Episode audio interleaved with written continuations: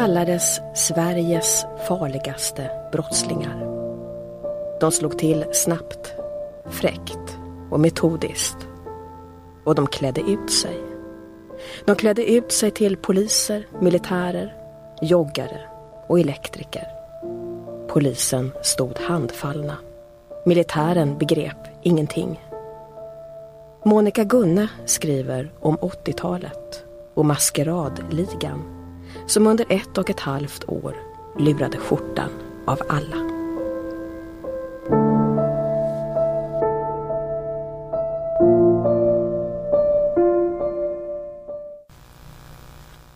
Det är den 16 maj 1986. Klockan är sex på kvällen. De två väktarna Roger och Milos kör på Enskedevägen i Stockholm. Båda är anställda vid värdetransportföretaget Vätab och de har 3,6 miljoner kronor inlåsta i ett kassaskåp i skåpbilens lastutrymme. Det är lugnt. Det är som vanligt. Nej förresten, de har nog lite mer bråttom än de brukar. De har fått en extra körning till Sparbanken i Gustavsberg och är nu på väg till Systembolaget i Kärrtorp.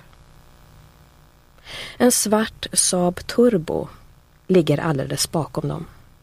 Men det är ingenting som de två väktarna lägger märke till. Varför skulle de göra det? Roger friskar i på en raksträcka när han plötsligt får se ett par blinkande helljus i backspegeln. En svart Saab har glidit upp på utsidan och aj fan, där sticker en polis ut en arm och viftar med en stoppspade. Jag har kört för fort, tänker Roger och svänger in mot vägkanten. Två poliser i mörka overaller kommer klivande mot bilen. Men de säger inget om någon fortkörning. De säger att registreringsskylten har trillat av där bak. Kom ut och titta, sa en av poliserna. Sedan går det fort. Allting händer så fort att berättelserna går isär. Väktarna berättar på ett sätt, utredarna och rånarna på ett annat. Men om man sammanfattar det hela gick det till ungefär så här. Roger och Milos känner plötsligt att de får tårgas i ögonen och att händerna kopplas ihop med handklovar. Så blir de infösta i lastutrymmet. Där pengarna är inlåsta i ett kassaskåp. Det här var 1986 och säkerheten var inte så avancerad. Vätabs värdetransportbil var inte bepansrad. Den var mer som en vanlig skåpbil. Där fanns ingen säkerhetsutrustning, ingen GPS-mottagare ingenting. Och kassaskåpet var bara ett enkelt plåtskåp. Hur får man upp det här? Ryter en av poliserna. Sparka på sidan, svarar en av väktarna. Kassaskåpet får sig en spark. Det säger klick. Dörren går upp och där står två väskor och några värdesäckar. De två väskorna innehåller 1,8 miljoner i kontanter. Och säckarna är fyllda med en massa sedlar och checkar. Rånarna arbetar snabbt. De rensar kassaskåpet, kopplar ihop de båda väktarna, drar en vätabsäck över deras huvuden och lastar sedan ut väskor och säckar och försvinner med 3,6 miljoner eller med 3 629 000 kronor om man ska vara nogräknad. Det var Maskeradligan som hade rånat värdetransportbilen vid Enskedevägen 35. Men det visste man ju inte då. Man visste bara att en välorganiserad liga hade gjort sig skyldig till en lång rad fräcka rån. En okänd liga som höll till i de södra förorterna och som hade jäckat Stockholmspolisen i ett och ett halvt år. Polisutredarna var bekymrade. Ja, de var till och med lite oroade och kallade rånen för de perfekta brotten. Och det var inte så underligt. Rånarna hade ju inte lämnat så mycket som ett hårstrå efter sig. Inga fingeravtryck, inga kvarglömda prylar. Ingenting. Inte ett enda spår som kriminalteknikerna skulle kunna analysera och undersöka. Och snart skulle polisutredarna på Kungsholmen i Stockholm upptäcka något som kanske förbryllade dem ännu mer. De okända rånarna klädde ut sig. De var maskerade till poliser, militärer, joggare, elektriker. Ja, allt möjligt. De attackerade sina rånoffer med tårgas och handklovar. I värdetransportbilen har de två väktarna lyckats ta sig loss från varandra och de trycker på larmknappen i framsätet. Men då är de falska poliserna redan långt borta. De närmar sig ett militärlager i Skarpnäck. Där förstör de alla spår. Där bränner de den svarta saben, polisoverallerna, stoppspaden, vätabsäckarna och alla checkar och värdecheckar. Allt som skulle kunna tänkas intressera en nitisk kriminaltekniker. De byter om, stoppar miljonerna i plastpåsar och traskar sedan genom Skarpnäck. Det såg ut som vi var på väg till tvättstugan, har en av rånarna berättat. Efter månader av förberedelser, efter sex, sju generalrepetitioner där de hade hängt efter värdetransportbilen men där det alltid hade hakat upp sig på något sätt, hade de lyckats. De hade äntligen lyckats genomföra det stora rånet. 3,6 miljoner. Det var rekord. De fem männen kan andas ut. De har klarat sig. Och det var alltid en speciell känsla. En angenäm och befriande, en nästan berusande känsla. Så delar de upp pengarna i fem lika stora högar. 600 000 kronor var, så de öser ner i plastpåsar och så in i en ärlig bil. En bil som inte är stulen och som polisen inte skulle få för sig att stoppa. I ett enda slag skulle värdetransportrånet på Enskedevägen göra maskeradligan känd i hela Sverige. Det blev löpsedlar och rubriker. Det var radio och tv-inslag. Och det var en intensiv polisjakt. Statsminister Olof Palme hade blivit mördad i februari samma år och Palmeutredningen slukade det mesta av polisens resurser. Trots det avdelades några män från våldsroten för att på heltid ägna sig åt värdetransportrånet. Eller Vätab-rånet, som polisen kallade det. Metod Maskering Vapen Tårgasspray och handklovar Tillvägagångssätt En detaljerad, för att inte säga minutiös planläggning. Så skulle man kunna sammanfatta maskeradligans arbetsmetoder. Ligan rånade för att kunna genomföra nästa rån. Och man rånade ihop till allt. Man stal polisuniformer, militäruniformer, stoppspadar, klister, lösmustascher. Man stal vapen. Man tog tårgastuber, handbojor, pistoler, sprängdeg, rökfacklor och k-pistar, AK4 och handgranater. Man stal pengar rånade servusbutiker och väktare. Man stal bilar, flyktbilar. Man stal legitimationer, registreringsskyltar och rekvisitionsblanketter. Och kanske det mest ovanliga, fräckheten. Man använde sig av fräckhet. Eller kanske det var en förslagenhet. En fräck förslagenhet som på något sätt gjorde människor försvarslösa. Aningslösa. Godtrogna. Så här gick maskeradligan tillväga när de skrapade ihop pengar och prylar till värdetransportrånet på Enskedevägen. Grovt rån den 23 februari 1985 klockan 07.30. Det är bokrea på Bokakademin på Mässe Samuelsgatan 32 i Stockholm. En av medlemmarna i ligans yttre kant hade jobbat i bokhandeln och visste att rea betydde stora kassor.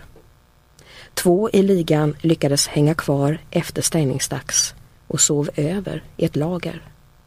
På morgonen kom en ung gravid kvinna och öppnade kassaskåpet och fram klev två män i svarta luvor. En riktar en pistol med lösa skott mot kvinnan medan den andra tömmer kassaskåpet. Maskering, svarta luvor, vapen, en startpistol med lösa skott. Byte, en miljon kronor. Grovt rån den 30 september 1985 klockan 07.05.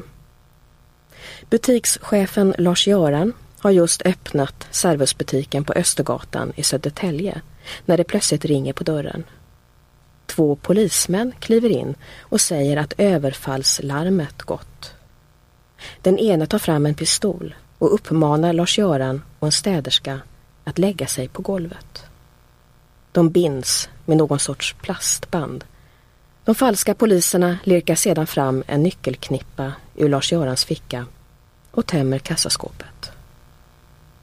Maskering, poliser, båtmössa och koppel, en målad polisbil. Vapen, en pistol, eventuellt Walter. Plastband, som används till potatissäckar. Byte, cirka 100 000 kronor. Grovt rån den 7 januari 1986 klockan 06.30. Föreståndaren Höglund anländer till Servusbutiken på Ältavägen 170 vid sextiden på morgonen. Det ringer på bakdörren och två män med neddragna luvor tränger sig in. De har varsin pistol i handen. Höglund tvingas lämna ifrån sig nycklarna, lägga sig på golvet och rånarna kopplar ihop hans händer med handbojor. Maskering. Vita huvor med hål klippta för ögonen. Vapen, pistoler eller eventuellt startpistol och en batong. Handbojor. Byte 107 365 kronor. Tid cirka 10 minuter. Grovt rån den 27 januari 1986 klockan 07.35. Utanför Servusbutiken vid Sockenplan i Enskede står Jeanette och trampar i snön. Hon väntar på att Mats ska öppna butiken när hon får syn på två män som skottar snö. Mats ska precis låsa upp bakdörren.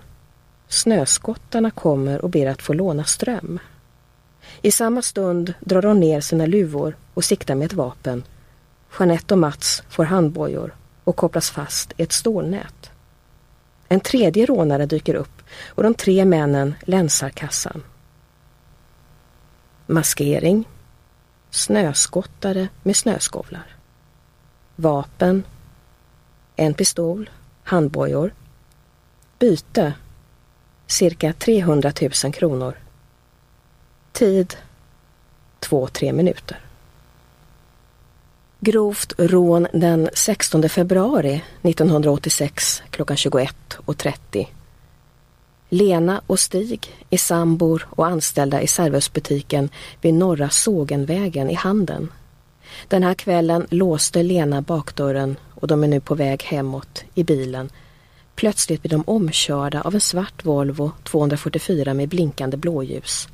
En polisspade sträcks ut och två poliser ber dem att stiga ur bilen. Stig får sätta sig i baksätet i polisbilen och Lena uppmanas att lämna ifrån sig nycklarna till affären och kassaskåpet. I två bilar går sedan färden tillbaka till Konsumbutiken på Norra Sågenvägen. Där går de falska poliserna in och länsar kassan. En detalj. En polisbil från handen råkar passera just där Lena och Stig blev kidnappade. De falska poliserna vinkade och fick en hälsning tillbaka. Poliserna från Handen trodde att det var kollegor från länstrafikgruppen som gjorde en kontroll. Maskering. Poliser. Polisbil med blåljus och stoppspade. Vapen. En pistol, handklovar och en skarpladdad pistol som skymtade i en av rånarnas byxlinning. Byte. Drygt 125 000 kronor. Grovt rån den 6 april 1986 klockan 14.05. De två väktarna Bo och Anders parkerar sin värdetransportbil utanför ingången till Bea lågprisvaruhus vid Svedmyraplan i Stockholm. De ser sig om och går in i varuhuset för att hämta kassan. Anders har just satt bilnyckeln i låset när han ser hur en man rycker väskan från Bo och sprutar något i hans ögon. Sekunden efteråt känner han själv att någonting bränner i hans ögon. Två män med toppluvor springer med väskan mot en skog. Maskering, blå träningsoveraller och toppluvor. Vapen, tårgasspray. Byte 158 282 kronor. Grovt rån den 11 april 1986 klockan 15.45. De två väktarna Kent och Thomas från Securitas är på väg att hämta dagskassan på Partihandlarvägen 50 vid Årstahallarna och är inte särskilt uppmärksamma på två män som står och mekar i ett elskåp. När de kommer ut blir de överfallna med tårgas och en av elektrikerna rycker åt sig väskan. Maskering, elektriker i ljusblå overaller. Vapen, tårgasspray, en skarpladdad pistol som syntes i den ene rånarens byxlinning. Byte 66 924 kronor i kontanter och 65 979 kronor i checkar. Och allt det här skulle nu polisinspektör Ingvar Hovstedt och hans utredare vid Stockholmspolisen försöka bringa lite ordning i. Ryktena var redan i svang. Rykten som gjorde gällande att det inte alls var några falska poliser som slagit till mot värdetransportbilen på Enskedevägen. Det hade varit riktiga poliser. Pressen låg tung på Hovstedt och hans utredare. De var förvånade över att rånen var så professionellt genomförda. Ja, vartenda rån verkade vid en första undersökning vara det perfekta brottet. De var underbemannade och ibland tvivlade Hovstedt och kompani på att de någonsin skulle klara upp de där proffsrånen söder om stan. De började med att ge rånen namn. Södertäljerånet, Ältarånet, Snöskottarånet, Vändelsörånet, Joggingrånet, Årstarånet och så Vätabrånet. Fanns det några beröringspunkter? Ett mönster? Utredarna gick metodiskt tillväga. Fyra av rånen hade gjorts mot Servusbutiker där rånarna verkade vara hemmastadda. Var någon av rånarna anställd på Konsum, Servus eller någon de kände? I tre fall hade rånarna klätt ut sig till poliser. I fyra fall hade de använt handbojor och i tre fall tårgas. I några fall hade bilarna bränts upp för att dölja alla spår. De flesta rånen hade utförts söder om stan. Bodde rånarna där? Eller hade de kanske växt upp där? Ja, visst fanns här ett mönster. Hur började allt? Hur bildades maskeradligan? Och vilka var de? Vilka var de fem männen som utförde några av de mest uppmärksammade brotten då i mitten av 1980-talet? Här går det nog inte att tala om en tydlig början eller ett första brott. Här finns bara en rad olika omständigheter där det ena leder till det andra men där allting pekar i en och samma riktning. Åt ett enda håll. Mot allt fler och grövre brott. Mot allt fler planerade och väl genomförda brott. Först handlade det nog mest om bus. Om några sorts pojksträck. Om olika slags överträdelser där man hela tiden förledde sig själv att ta ett kliv till. Och ett till. Och där det till sist slutade med grov brottslighet. Grova rån. Ett är säkert. Att maskeradligan har sin upprinnelse i en liten pojkes spidade och guldlockiga huvud. Hos en pojke som var besatt av uniformer som var så fascinerad av beslag och blanka knappar att han köpte uniformer för alla sina sparslantar när han var 15. Och som en julafton uppträdde i full husarkostymering inför sin förstummade familj. En guldlockig pojke som hade förstått den magiska kraften i en uniform. Att det handlade om makt. Att det handlade om makt och underordning en liten pojke som hade lagt märke till hur vuxna människor liksom krympte inför en uniform. Att de föll undan, vek sig. Att det inte längre ställde några frågor. Det finns två helt olika historier om maskeradligan. Om hur ligan en gång bildades och var organiserad. Den ena versionen, den officiella och ofta berättade versionen, Maskeradligan är Sveriges farligaste brottslingar. Det är ett brottssyndikat. Ett företag i brott som drivs enligt affärsmässiga metoder. Och där ligans medlemmar har tjänstebil och fri representation. Det finns en hierarki. Det finns en ledare. En stark ledare och det är den före detta militärpolisen Mats Rimdal.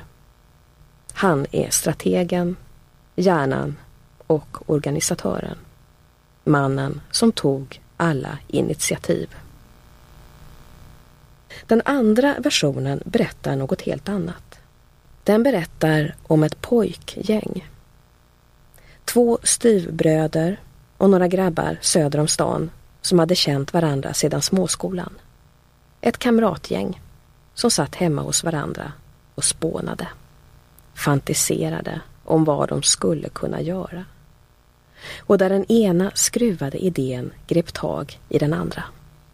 Och där ingen kunde säga stopp.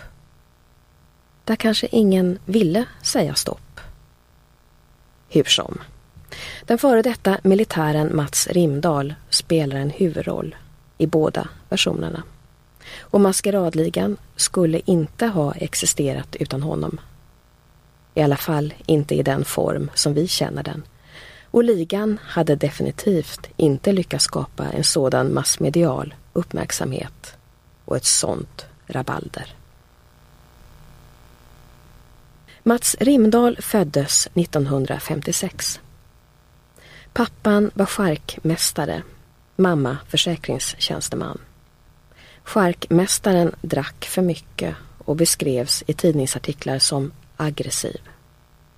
Föräldrarna skilde sig tidigt och mamman gifte om sig. Mats fick då en snäll styvfar. En man som skulle komma och försvara honom livet ut. Han fick också en styvbror. En yngre bror som några år senare är en av de fem i maskeradligans så kallade inre cirkel. Mats Rimdahl utbildade sig till militär vid F14 i Halmstad och befälen la snart märke till hans enastående ledaregenskaper och enorma kapacitet. Men cheferna la också märke till hans besatthet av vapen och uniformer. Hans fixering av förklädnader, kamouflage, att han ville klä ut sig, att han ville utge sig för att vara någon annan. Med stigande oro hade cheferna också lagt märke till hans nit. Hans överdrivna nit för regler och det militära regelverket. Och så det motsägelsefulla. Att Rimdal inte kunde låta bli att bryta mot det han värderade så högt. Reglerna. Att han inte stod ut med auktoriteter. Och att han inte kunde låta bli att agera efter eget huvud. Här är några av Rimdals övertramp under sin tid på F14. 1.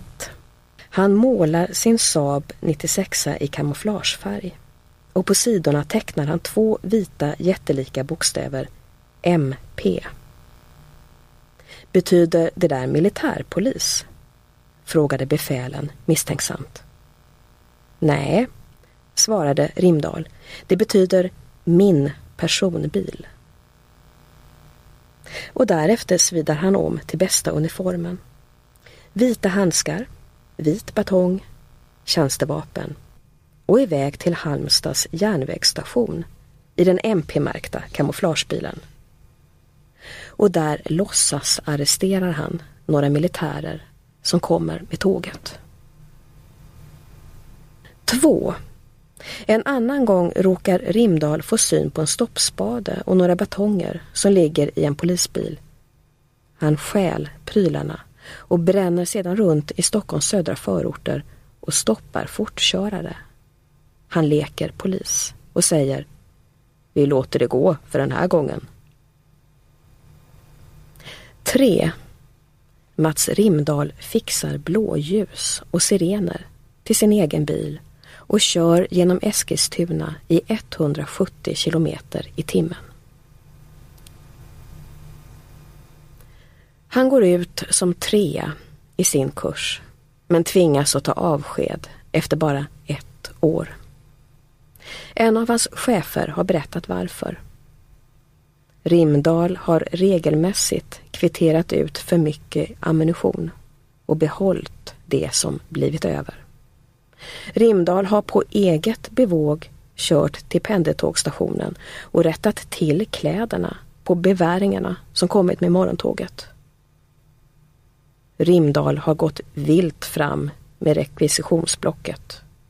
Kvitterat ut militära personbilar som han använt privat över helgen.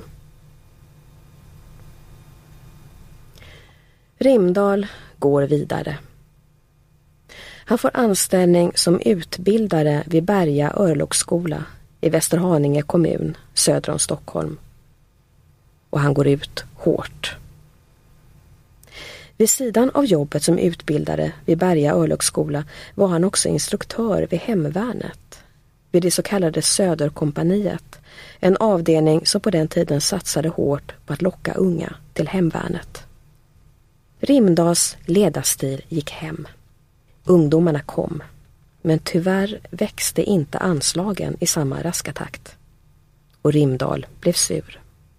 Han var också förbannad på hemvärnets usla utrustning. Var inte ungarna värda något bättre? Så han tog saken i egna händer. Och nu händer det som en dag långt senare kommer att fälla Mats Rimdal och Maskeradligan. Rimdal och två andra instruktörer vid hemvärnet tar sig in i ett mobiliseringsförråd vid Berga örlogsskola för att stjäla skidor och utrustning till eleverna vid hemvärnet. De är full färd med att plocka åt sig grejerna när de blir tagna på bar gärning. Mats Rimdal och de två andra hemvärnsmännen får sparken.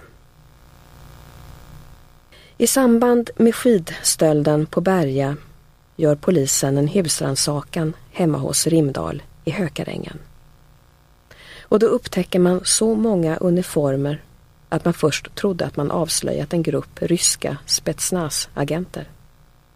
Och Säpo kopplas in. Men det var lugnt. Det var bara Mats Rimdals privata samling av uniformer som man hade hittat.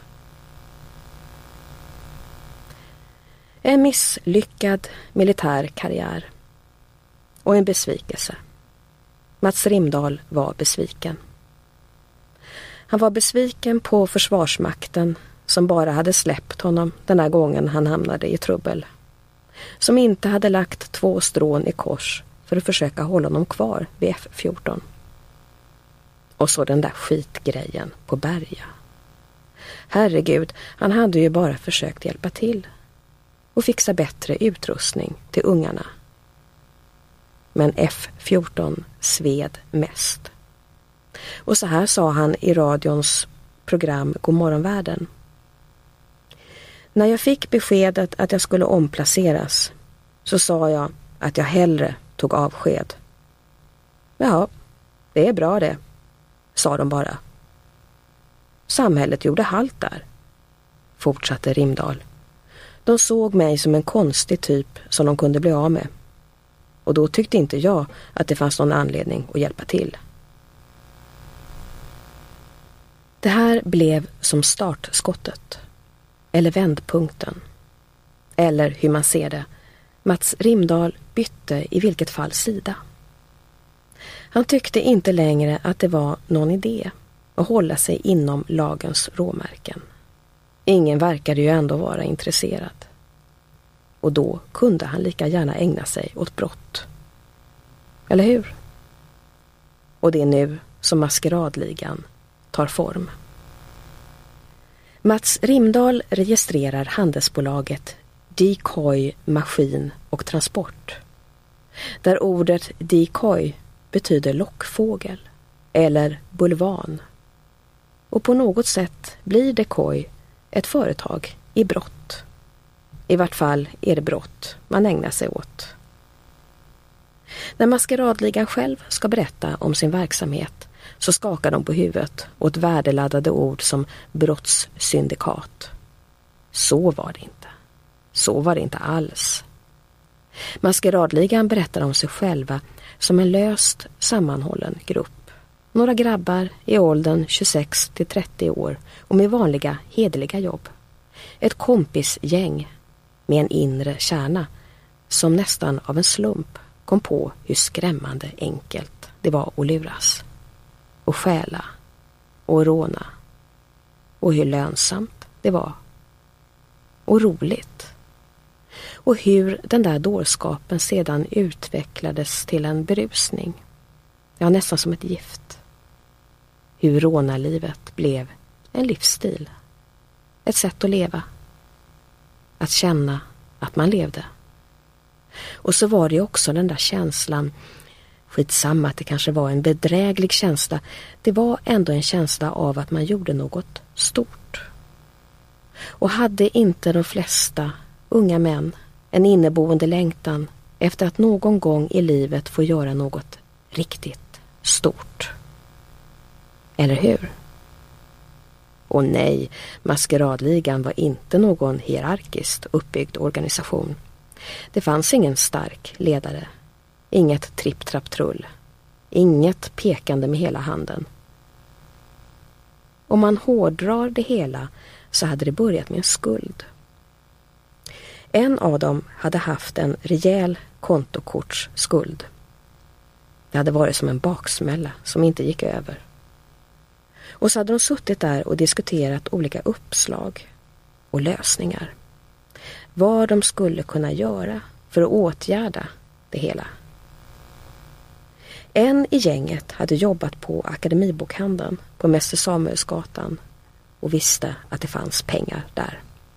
Att kassorna var speciellt stora under rean. Och det var så de slog till mot Bokakademin på Mäster Samuelsgatan i Stockholm. Det första rånet. Ett välplanerat rån där de kunde promenera ut med en miljon kronor i en väska. Life is made up of many gorgeous moments. Cherish them all, big and small, with Blue Nile. Whether it's for yourself or a loved one, Blue Nile's unrivaled selection of expertly crafted fine jewelry and statement pieces help make all your moments sparkle. Blue Nile's experts are on hand to guide you, and their diamond guarantee ensures you get the highest quality at the best price. Celebrate a life well lived in the most radiant way and save up to 30% at BlueNile.com. That's BlueNile.com. Mitt i stan. De fattade det knappt själva. Efteråt fattade de inte hur det hade kunnat vara möjligt. Och sen rullade det igång. De spärrar som eventuellt hade funnits inbyggda släppte ganska fort och de planerade stort. Egentligen hade de tänkt börja med ett värdetransportrån, men tänkte om. De bestämde sig istället för att råna ihop en grundplåt för att sedan gå vidare gradvis. Så det blev handgranater i Västerhaninge och polisoveraller i Ågesta. Det blev den målade polisbilen på Bilia vid Haga Norra där en mekaniker i princip hade kastat bilnycklarna till Mats Rimdal. Och så var det stölderna av alla flyktbilar. Hur de hade gått in till bilhandlarna, bett att få provköra en bil och sedan kopplat loss reservnyckeln från nyckelringen. Hur de hade kollat i bilregistret vem som hade köpt bilen. Sökt upp adressen natten innan ett rån, låst upp bilen och kört iväg. Det hade ju varit nästan löjligt enkelt. Alla hade varit så flata, så godtrogna och lättlurade. Det hade varit likadant med rånen mot servusbutikerna och värdetransportbilarna.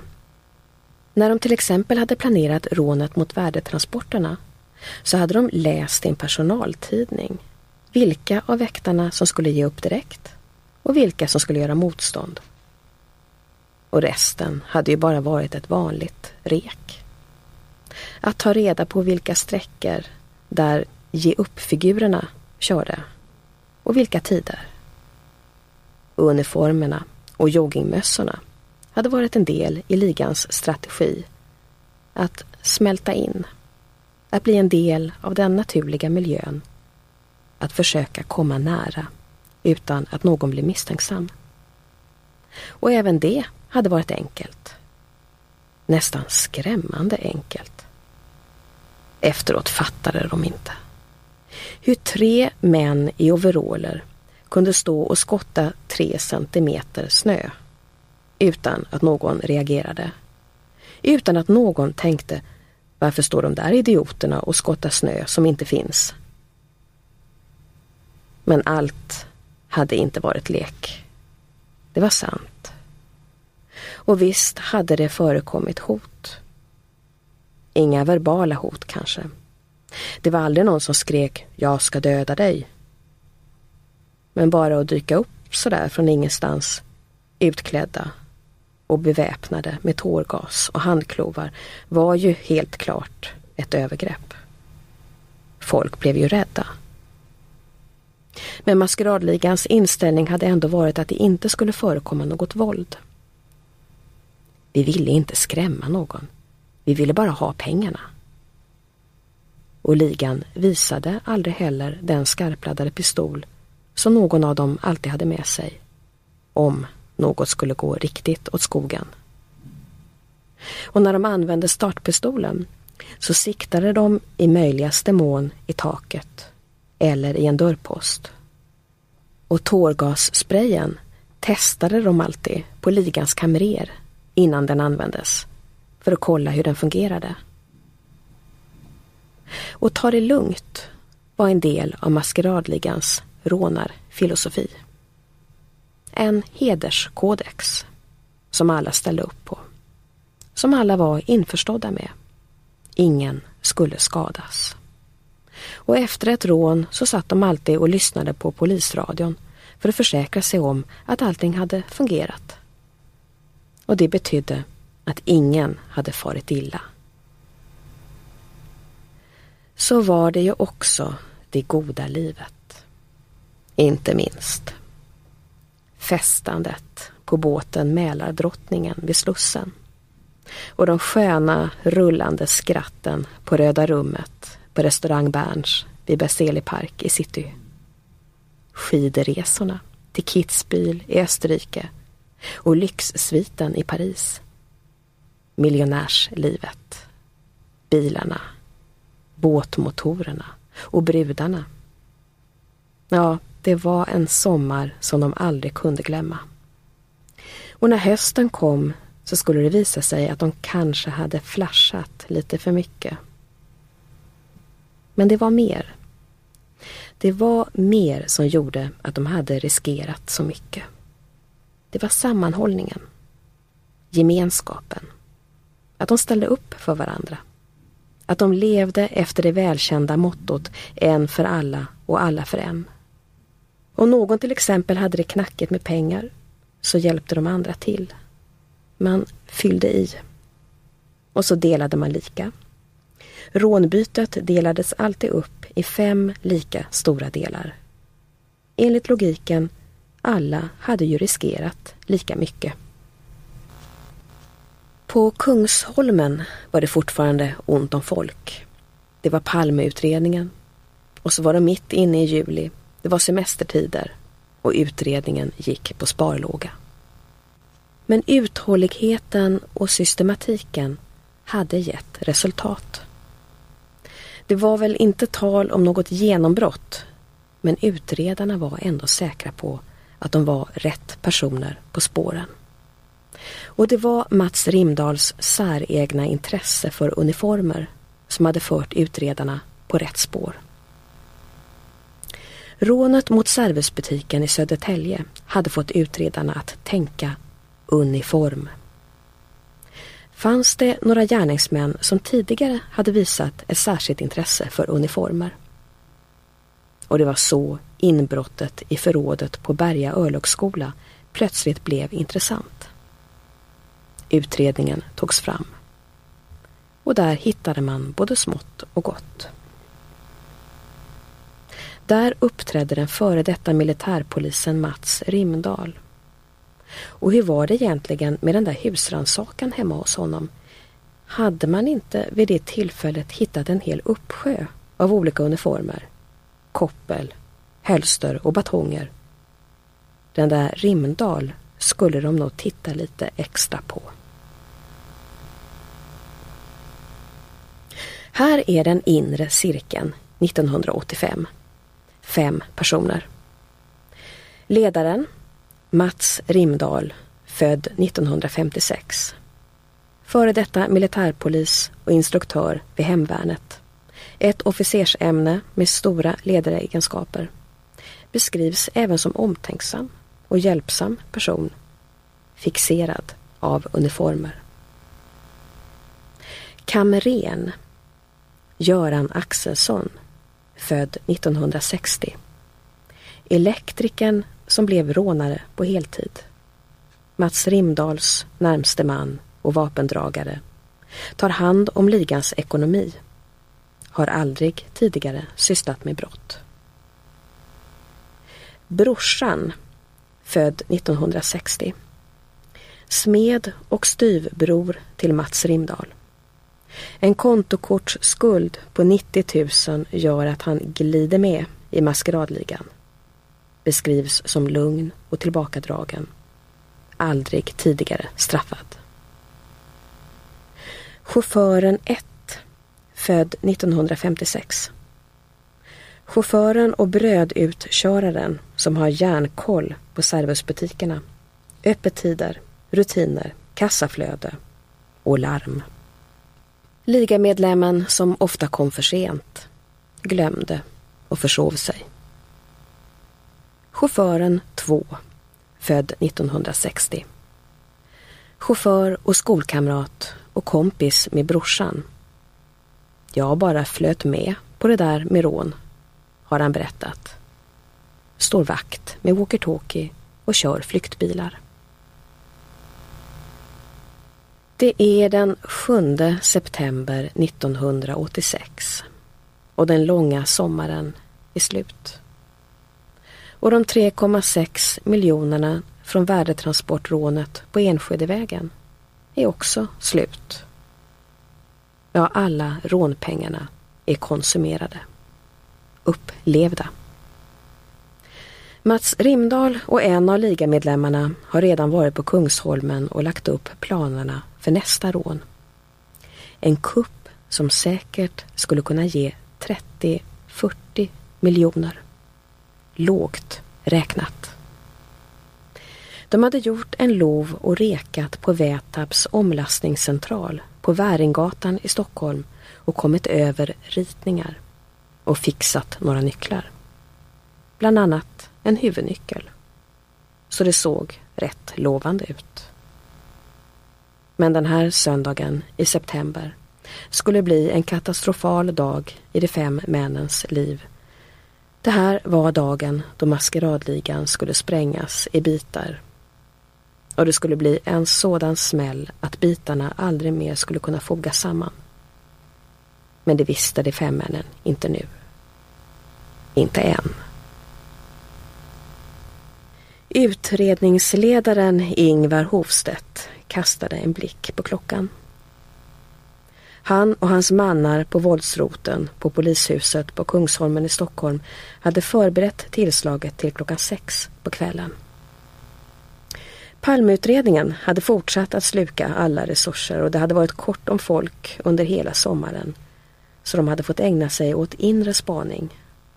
Att lägga pussel, kolla register och försöka se sammanhang. Att undersöka olika kontaktytor. Och utredarna hade sett ett mönster växa fram. Mats Rimdahl och den senfärdige chauffören hade ett företag tillsammans som hette Decoy. Chauffören hade en sambo som hade jobbat på servicebutiken i Södertälje. Var det en tillfällighet? Eller fanns det ett samband? Man hade också fått in ett anonymt tips att chauffören hade köpt en båt, flera bilar och två motorcyklar. Och enligt den anonyme tipsaren så hade den arbetslöse chauffören köpt alla de där prylarna kontant. Nu var klockan sex. De första som greps var två män i en bil på väg till Södertälje. Det var samma män som en gång hade gjort inbrottet tillsammans med Mats Rimdal i förrådet vid Berga örlogsskola på Södertörn. Det första oskyldiga inbrottet som sedan skulle bli startskottet till maskeradligans många uppmärksammade rån. Efter de före detta hemvärnsmännen grep polisen den ena efter den andra. Göran Axelsson utanför sin bostad i Hammarby. Brorsan på sin skärgårdsö. Den senfärdige chauffören och hans sambo i ett ensligt beläget hus på Stallarholmarna. Och så den andra chauffören hemma hos sin mamma söder om stan. Efter två dagar hade polisen gripit sammanlagt nio personer som på ett eller annat sätt var misstänkta för att vara delaktiga i rånen. Det var bara en person som inte hade fastnat i polisens nät. Det var Mats Rimdal. Han hade rest iväg till Nya Zeeland för att hälsa på sin andra halvbror. 5,5 miljoner. Sammanlagt hade de lyckats råna ihop 5,5 miljoner under ett och ett halvt år och nu var allting borta. Inte allt förresten. När polisen gjorde husrannsakan hemma hos maskeradligan så dök delar av de där 5,5 miljonerna upp omvandlat till både det ena och det andra. Hemma hos Göran Axelsson hittade polisen tre pistoler. 16 000 kronor mellan lakanet och madrassen och 100 bilnycklar och ett nyckelkartotek. I ett bankfack fann man aktier, 330 000 kronor och 30 000 drachmer. En skarpladdad Walterpistol, 9 mm och några elpistoler. Hos brorsan på Skärgårdsön hittade polisen så mycket prylar att man fick skaffa en lastbil för att få med sig allt. Brorsan var i full färd med att totalrenovera huset. Och polisen hittade spisar, kylskåp och frysar. I en jordkällare upptäckte man stubintråd, sprängdeg, sprängkapslar, handgranater och en revolver att skjuta tårgas med. Där fanns också tre tjusiga båtar. En av dem var döpt till Decoy. Det är förhör. Och än en gång flyter Berga örlogsskola upp. Som en envis gammal illaluktande vante flyter Berga upp till ytan. Det där första inbrottet då Mats Rimdal och två andra hemvärnsmän skulle vara hyggliga och fixa skidor och kläder till ungarna vid det uselt utrustade hemvärnet. Det är en av de där hemvärnsmännen som nu sitter mitt emot förhörsledaren. Först vill han inte säga ett pip. Men så börjar han berätta. Han är fortfarande kompis med Mats Rimdal. Han bor hemma hos honom i Hökarängen och har hört allting. Rimdal har ju dragit alla historier. Han har berättat om värdetransportrånet på Enskedevägen, om polisbilarna och polisuniformerna, om snöskottarrånet och Vändelsörånet och joggingrånet och Årstarånet, om bilar som brändes och pengar som brann i fickan. Men det är sannerligen inte lätt för den före detta hemvärnsmannen. Han berättar stötvis. Han berättar i hulkande snyftningar. Och snart vet polisen allt. Allt om planering och tillvägagångssätt. Vem som har gjort vad. Förhören med de två hemvärnsmännen från Berga blev en av spikarna i kistan för maskeradligan. Ställda inför fakta börjar ligamedlemmarna att erkänna. En del är tjuriga och håller inne med uppgifterna i det längsta. Andra lägger korten på bordet och berättar rakt av. Det är bara en som inte berättar. Det är Mats Rimdal. Han är fortfarande kvar på Nya Zeeland men har just fått ett telefonsamtal från Sverige och bestämmer sig för att åka hem. Hem måste jag, har han sagt. Han landar på Arlanda flygplats. Mats Rimdal har kommit till Stockholm för att frita sina kompisar som sitter på Kronobergshäktet. Och läget är knepigt. Han är efterlyst av Interpol och kan inte göra som de andra passagerarna, ta upp sitt pass och gå igenom passkontrollen. Så då får det bli på något annat sätt. Rimdal vänder ut och in på sin jacka. Och se där. Fodret är orangefärgat. Och nu ser han ut som en flygplatspersonal av något slag. Som om han är en av markpersonalen. Han tar upp sin fickradio ur fickan och håller den som en kommunikationsradio tätt intill munnen och går sedan med målmedvetna steg in genom personalingången. Ja, så lätt kunde en efterlyst brottsling ta sig in i Sverige. Då, 1986. Men det här skulle bara vara ett smakprov. En början. En västanfläkt. Mats Rimdal förbereder sig för att frita sina kumpaner. Och han tänker göra det med falska legitimationer, falskskyltade militärbilar, polisuniformer, skarpladdade vapen, en k-pist, tårgasfacklor, tårgasspray och en gasmask. Och enligt sin rånarlogik så ger sig Rimdal nu i kast med att stjäla ihop rubb och stubb. Här är den korta versionen. Med en reservnyckel stjäl Rimdal en mörkblå militärsab på försvarets överskottslager i Solna. Och bakom ratten på en militärbil så är det inte svårt att ta sig förbi vakten på regementet Ing 1. Rimdal hämtar ut olika rekvisitionsblanketter som hade si Rimdal hämtar ut olika rekvisitionsblanketter som han sedan fyller i. Och efter två dagar kan han hämta ut rökfacklor, tårgasgranater och ammunition. I3 i Örebro får också en beställning från Mats Rimdal, eller Major Karlsson som han kallar sig. Och den här gången kvitterar Rimdal ut fyra pistoler, två k-pistar och två AK4. Lätt som en plätt. Och så var det då själva fritagningen. Mats Rimdal kommer till Kronobergshäktet i en civil polisbil och med en falsk polislegitimation.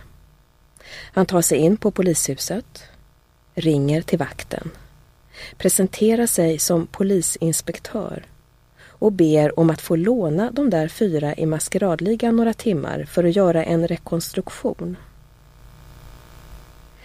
Kan du skicka dem i en bil med några vakter? frågar Rimdal. Det blir nobben. Polisen hade haft på känn att det skulle kunna bli tal om en fritagning och hade därför lagt in en spärr. Alla kontakter med maskeradligan skulle gå genom spaningsledningen. Det berättas också att Mats Rimdal i det ögonblicket greps av en sorts misströstan. Att han hade fått nog. Att han ville ge upp. I två timmar satt han utanför förhörsledarnas rum och väntade på att de skulle komma ut. Han ville erkänna. Men förhörsledarna kom aldrig. Och då reste sig Mats Rimdahl och åkte ut till Arlanda flygplats. Men det ska finnas fler spärrar. Mats Rimdahl hade just tagit ut pengar på SE-banken på Arlanda när kassörskan upptäckte en notering vid Rimdals namn. Hon ska larma polisen, stod det. Och det är så Mats Rimdahl plötsligt står öga mot öga med en vakthavande polis. Rimdal sliter upp en tårgasspray och sprutar polisen i ögonen och springer sedan i riktning mot den falskregistrerade Saben som står parkerad utanför och som är fullastad med k-pistar, tårgasfacklor, armépistoler och handgranater. Allt sånt som Rimdal har rekvirerat från regementena. Men Mats Rimdal blir övermannad och grips. Och här sätts en punkt. Maskeradligans äventyr är över. Det är inget tjafs. Mats Rimdal erkänner alla rån och stölder och han berättar hur allting gått till. Han säger att det är han som varit den drivande och att han har tagit de flesta avgörande besluten. Den 8 december 1986 döms Mats Rimdahl till nio års fängelse för grovt rån och grov stöld vid Södertälje tingsrätt. Göran Axelsson döms till sju och ett halvt år. Brorsan döms till sju år. De två chaufförerna döms till sex respektive fem år. 1988 är maskeradligan inte längre ett sammansvetsat gäng. Ligan är splittrad. Den är kluven i två delar. Det finns inte längre någon sammanhållning. Inget, en för alla, alla för en. De fem edsvurna männen pratar inte längre med varandra. Mats Rimdahl och Göran Axelsson är fortfarande kompanjoner.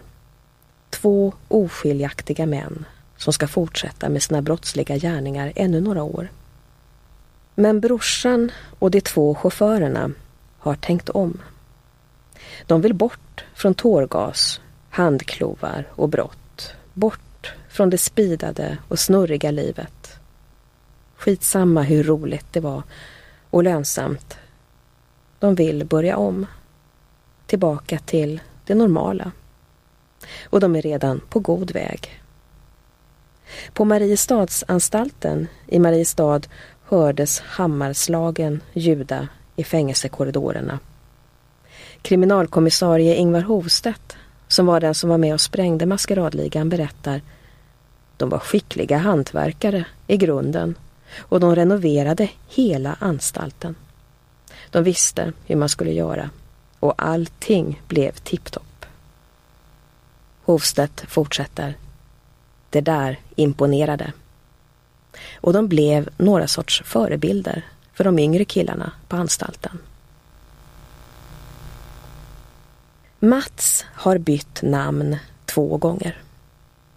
Först hette han Rimdal. 1998 bytte han namn till Amtun och i år har han bytt efternamn igen. Nu heter han Eriksson. Mats Eriksson. När jag började skriva det här reportaget om Maskeradligan så var min första tanke att jag ville träffa Mats Rimdahl och Göran Axelsson så här 23 år efteråt. Ville de berätta? Både Rimdahl och Axelsson har fortsatt med brott. 2000 dömdes de för bland annat grovt bedrägeri.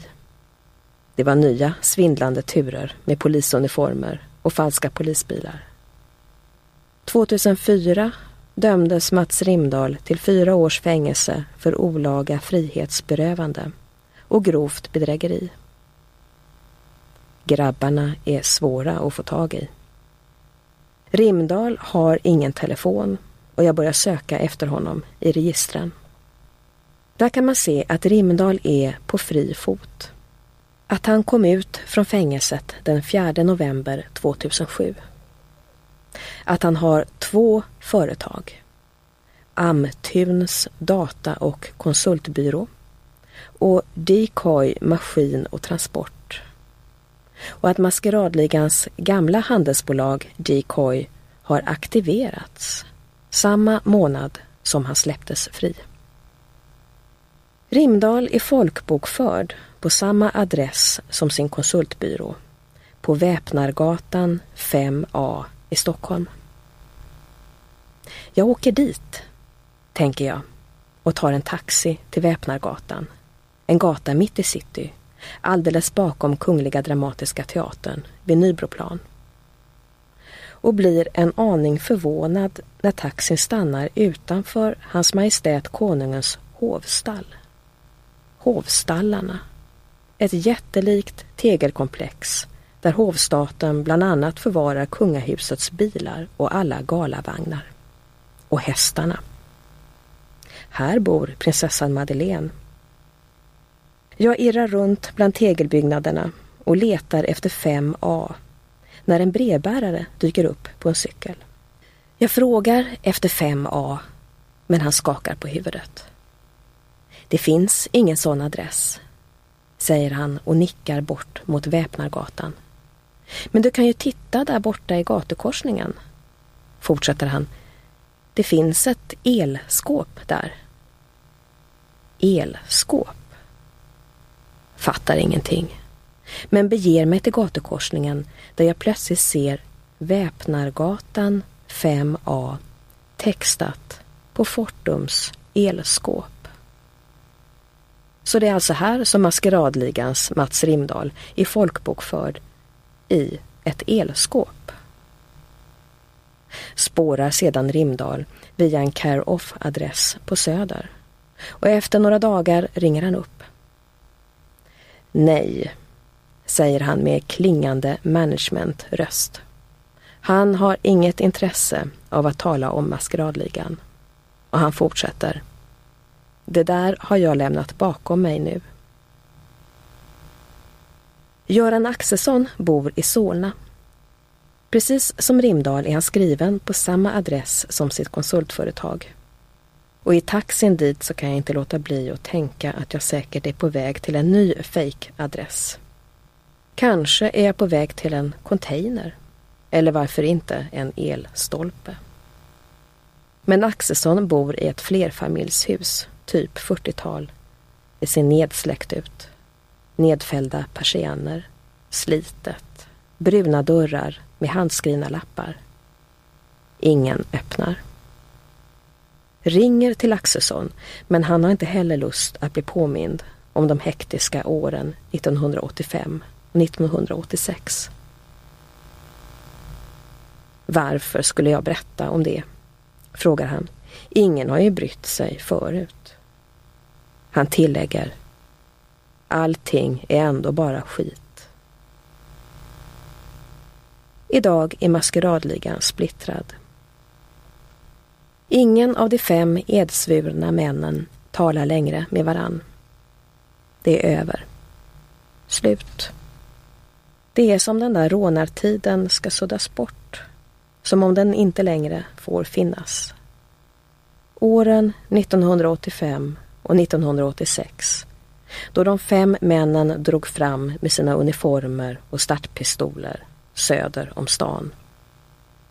Då de försörjningsrånade servusbutiker och värdetransporter och drömde om det stora klippet. Drömrånet. Festerna på Mälardrottningen och Röda rummet. Slösartiden. Miljonärstiden. Tiden då pengarna brände i fickorna. Det är ju sånt man vill förtränga, säger en medlem i den före detta maskeradligan. Det är ju sånt man försöker glömma. Kan man skratta och gråta på samma gång? Jag kan i alla fall det. Och det gör jag när jag läser och frågar och lyssnar på historierna om maskeradligans liv och leverne. På något sätt är det som om svart och vitt är sammantvinnat. Det går inte att skilja färgerna åt. Det går inte att se det svarta utan att samtidigt skymta en bit av det vita. Det skrattande vita. Ja, det har varit mycket k-pistar och tårgasfacklor. Dårskap. Idioti. Men ibland har jag funderat över vem som har varit mest korkad. Varför har ligan överhuvudtaget fått ut alla vapen? Och hur har de kunnat få ut dem så lätt? Med en hemmagjord legitimation, en mössa, en honör och ett rekvisitionsblock. Hur lätt kan det vara? Ett är säkert. Maskeradligans framfart de där åren har höjt säkerhetsläget i Sverige. Tvingat landets regementen att skärpa säkerhetstänket. Kriminalkommissarie Ingvar Hovstedt berättar att han efter maskeradligans sprängning tog kontakt med regementscheferna och föreslog att de skulle se över säkerheten. Männen i maskeradligan ville aldrig skada. De ville inte ens skrämmas. Nu gjorde de ju ändå det, så resonemanget håller ju inte på långa vägar, i alla fall inte fullt ut. Ändå kan jag inte låta bli att fundera över att ingen blev skadad. En undersökning av alla som fick sig en dos tårgas av maskeradligan visade att de alla var besvärsfria efter en vecka. Och när en av ligamedlemmarna satt i häktet skrev han ett brev till samtliga rånoffer. Han skrev och bad om förlåtelse han fick svar från alla. De sa att det var okej. Okay. De skrev och sa att de accepterade hans ursäkt. Och i polisens förundersökning har flera av offren vittnat. Det var inte mig de var ute efter. Det var pengarna. Det här är inget försvarstal. Det är bara svart på vitt. Det svarta och det vita. Och skulle du råka gå förbi Väpnargatan 5A vid Hans Majestät Konungens hovstall, det där mörka tegelkomplexet alldeles bakom Kungliga Dramaten i Stockholm. Tänk ljust. Skratta.